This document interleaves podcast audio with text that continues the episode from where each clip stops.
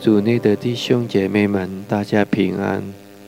我们以感恩的心来进入今天的门徒灵修中。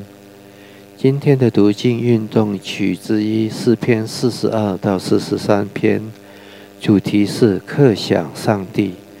我们先一起低头祷告。慈爱的天父，感谢你的祝福和保守，让我们有机会进入今天的门徒灵修当中。求主赐给我们一颗刻慕的心，来思考你的话语。我们这样的祷告是奉靠主耶稣基督的圣名所求，阿门。诗篇四十二到四十三篇是一位正在被掳到巴比伦的以色列人所写的。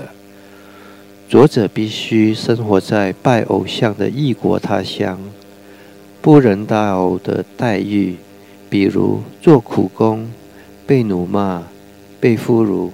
是以色列民日常生活的一部分。他们的心灵受压抑，仿佛上帝没有临格在其子民的生活中。在这样的情形之下，世人并非静默不言，他在属灵的压抑中找出路。首先，世人刻想上帝，世人把自己描绘成非常口渴的受禄，极其刻目吸水。四十二篇第一到第三节，这样的描述，对经历灵命干渴的世人来说是很恰当的。有许多人正在经受沉重的压力，可惜他们对上帝却无刻目感。反过来。他们是法用世俗的东西来满足他们的心灵？其次，诗人回想上帝的美善，诗人再度记起以前他如何日心敬拜上帝。四十二篇第四节，当时诗人与上帝的关系是何等亲密，他们活得口舌难以形容的感受和喜乐。这美好的回忆激起世人心中的盼望，他们向往以能够再次跟上帝团契。其三，世人自言自语 （self-talk） 或者跟自己对话。世人不愿承诺在消极的情感里，因此缘故，世人设法用积极的语言。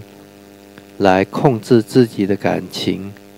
诗人对自己的心灵说：“我的心啊，你为何忧闷？为何在我里面烦躁？”四十二篇第五节上。另外，诗人鼓励自己的心灵说：“应当仰望上帝，因我不还要称赞他，他是我脸上的光荣。”是我的上帝，四十二篇第十一下节。现今疫情之下，面对沉重的挣扎和压力，我们刻想上帝乃是理所当然的。回顾上帝的美善和积极的自言自语 （self-talk），我们将预备好去迎接人生中任何的惊涛骇浪。我们一起祷告，慈爱的上帝，感谢你再次对我们说话，让我们来不断的在刻想上帝，尤其是在这疫情当中，我们所遇到的任何困难，我们经常没有依靠上帝，而设法用世俗的方法来解决问题。求主原谅我们，我们这样的祷告是奉靠主耶稣基督的圣名所求，阿门。